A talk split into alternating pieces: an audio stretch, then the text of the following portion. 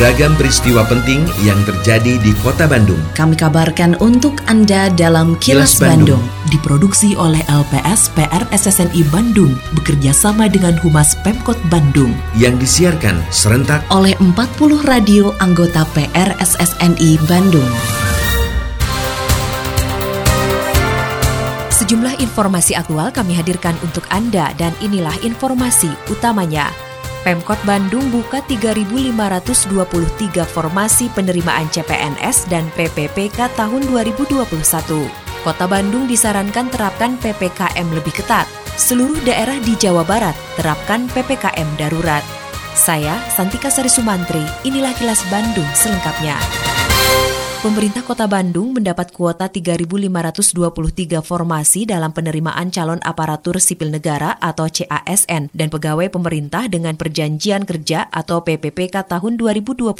Jumlah tersebut terdiri dari 57 formasi CPNS dan 3.466 formasi PPPK yang sebagian besarnya yaitu sebanyak 2.978 merupakan formasi PPPK guru. Kepala Bidang Pengadaan Pemberhentian dan Informasi Kepegawaian Badan Kepegawaian dan Pengembangan Sumber Daya Manusia atau BPKSDM Kota Bandung, Siti Fitria Saadah mengatakan, pengumuman seleksi ASN dimulai sejak 30 Juni sampai 14 Juli 2021. Sedangkan para calon ASN dapat mulai mendaftar pada 30 Juni hingga 21 Juli 2021. Pendaftaran dan pengunggahan dokumen bagi CPNS dan PPPK dilakukan melalui situs Badan Kepegawaian Nasional. Reporter Evi Damayanti melaporkan, menurut Fitria, pengumuman dan tata cara pendaftaran dapat diakses melalui situs resmi BPKSDM Kota Bandung. Ini data formasi ini 2978. Ini programnya satu juta guru. Jadi kalau senasional mungkin secara nasional itu formasi dibuka bisa 2 jutaan mungkin atau satu juta lebih ya pastinya ya formasi secara keseluruhan. Nah Kota Bandung dapatnya tadi ini 3.523 formasinya. PPPK-nya 2.978. Nah yang CPNS-nya cuma 57, non gurunya cuma 488. Karena kan sekarang merit system ya, kita tidak boleh membatasi. Justru ASN ini fungsinya itu perekam bangsa.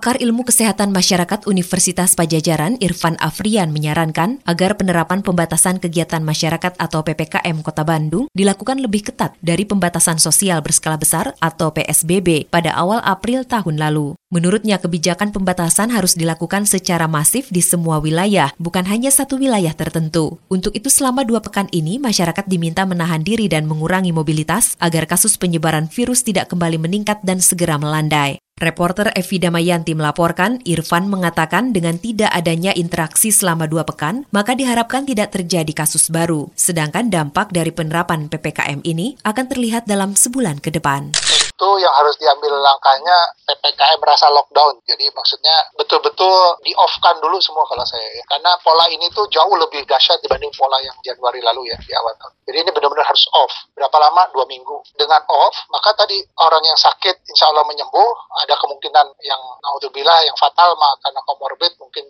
tertangani, tapi ada yang enggak gitu ya. Tapi berhenti di orang itu gitu ya. Karena dengan off tidak terjadi interaksi. Kalau tidak terjadi interaksi antar masyarakat, tidak terjadi penularan, maka kasus baru tidak akan terjadi. Gubernur Jawa Barat Ridwan Kamil menyatakan seluruh daerah di Jawa Barat yang terdiri dari 27 kabupaten kota menerapkan pemberlakuan pembatasan kegiatan masyarakat atau PPKM darurat. Pembatasan berlaku selama dua pekan mulai 3 sampai 20 Juli 2021 mendatang. Dalam pelaksanaan PPKM darurat, seluruh kegiatan yang mempertemukan banyak orang tidak boleh beroperasi, kecuali sektor esensial. Kegiatan sektor non-esensial diberlakukan 100% bekerja dari rumah atau WFH. Kegiatan belajar mengajar di sekolah perguruan tinggi, akademi, dan pendidikan pelatihan sepenuhnya dilakukan secara daring. Sedangkan sektor esensial diberlakukan 50% maksimal bekerja di kantor dengan protokol kesehatan lebih ketat.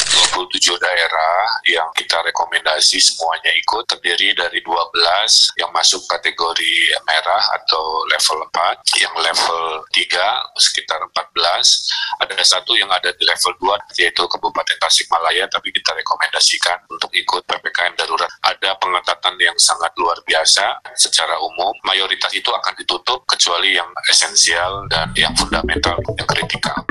Terkait dengan berita sebelumnya, Asosiasi Pengusaha Indonesia atau APindo Jawa Barat mendukung kebijakan pemberlakuan pembatasan kegiatan masyarakat atau PPKM darurat yang berlaku mulai 3 sampai 20 Juli 2021 mendatang. Ketua Apindo Jabar Ning Wahyu Astutik menilai upaya tersebut paling tepat dilakukan saat ini jika melihat kondisi penyebaran COVID-19 yang sudah terlalu masif. Reporter Suparno Hadisaputro melaporkan, Ning juga menyatakan dengan situasi dunia usaha saat ini, pengusaha menanggung dampak luar biasa sehingga berharap adanya stimulus dari pemerintah untuk meringankan beban. Dunia usaha sebenarnya kemarin sudah mulai bounce back. Namun apa boleh buat, pasti akan mengalami perlambatan atau bahkan betul-betul stagnan pada dunia usaha tertentu untuk beberapa waktu ke depan. Untuk sekarang yang paling utama adalah kita semua butuh adanya percepatan pendistribusian vaksin untuk masyarakat yang di dalamnya termasuk pekerja, terlebih pekerja padat karya yang memiliki kontak lebih sering dengan pekerja lain. Sedangkan seperti yang kita tahu bahwa mereka menjadi pejuang garis depan untuk ekonomi keluarga. Assalamualaikum warahmatullahi wabarakatuh. Sampurasun, warga kota Bandung yang saya hormati dan saya cintai. Saya Tono Rusdiantono, Kepala Dinas Sosial Kota Bandung menghimbau kepada seluruh warga kota Bandung, para wisatawan dan para pengguna jalan untuk tidak memberikan uang atau sedekah kepada pemerlu pelayanan sejahteraan sosial atau PPKS. Di antaranya anak jalanan, gelandangan, dan pengemis karena mengganggu ketertiban umum dan kelancaran arus lalu lintas. Selain itu, saya juga meminta kepada seluruh warga kota Bandung untuk tidak menggalang dana atau meminta sumbangan di tengah jalan dengan dalih apa pun, terlebih kegiatan itu tanpa mengantongi izin resmi dari Dinas Sosial Kota Bandung. Apabila Anda menemukan adanya PPKS maupun penggalangan dana, diminta partisipasinya untuk melaporkan hal tersebut kepada Dinas Sosial Kota Bandung. Salurkan donasi Anda hanya melalui lembaga resmi. Wassalamualaikum warahmatullahi wabarakatuh.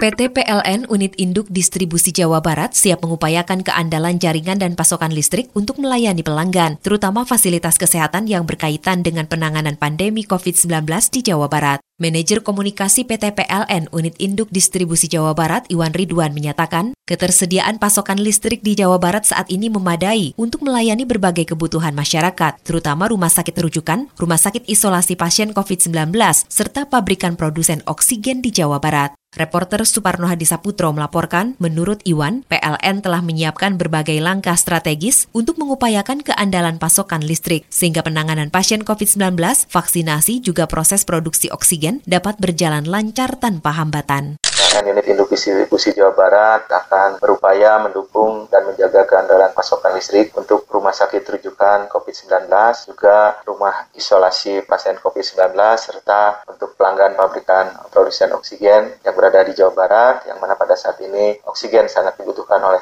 uh, pasien penderita COVID-19. Kini, audio podcast siaran Kilas Bandung dan berbagai informasi menarik lainnya bisa Anda akses di laman kilasbandungnews.com. Untuk mencegah peredaran dan penyalahgunaan narkoba di Kota Bandung, Badan Nasional Narkotika atau BNN Kota Bandung terus melakukan upaya pencegahan dini. Kepala BNN Kota Bandung Denny Yusdanial mengatakan sejumlah langkah yang sudah dilakukan di antaranya melalui meningkatkan ketahanan diri masyarakat, juga program Kelurahan Bersinar, serta sistem deteksi dini penyalahgunaan narkoba di empat lingkungan, yaitu pendidikan, lingkungan keluarga, lingkungan kerja, dan lingkungan masyarakat. Reporter Agustin Purnawan melaporkan, menurut Denny, kampanye anti narkoba juga dilakukan secara masif di semua lini masyarakat juga komunitas. Melaksanakan upaya-upaya pencegahan melalui mengembangkan sistem ketahanan diri masyarakat, kemudian mengembangkan sistem deteksi dini penyalahgunaan narkoba di empat lingkungan yang pertama lingkungan pendidikan, pendidikan dasar sampai perguruan tinggi. Nah, kemudian di lingkungan keluarga, lingkungan kerja, kemudian lingkungan masyarakat. Kemudian yang ketiga adalah mengoptimalkan peran pemerintah daerah dan masyarakat serta komunitas untuk mengabanyakan masif tentang masalah narkoba. Kemudian mengembangkan layanan rehabilitasi. Lindungi diri, keluarga, dan orang sekitar dari COVID-19 dengan selalu memakai masker, mencuci tangan dan menjaga jarak, juga mengurangi mobilitas serta menghindari kerumunan. Patuhi protokol kesehatan di masa adaptasi kebiasaan baru untuk mencegah penularan virus corona. Terima kasih Anda telah menyimak Kilas Bandung bekerja sama dengan Humas Pemerintah Kota Bandung yang diproduksi oleh LPSPR SSNI Bandung.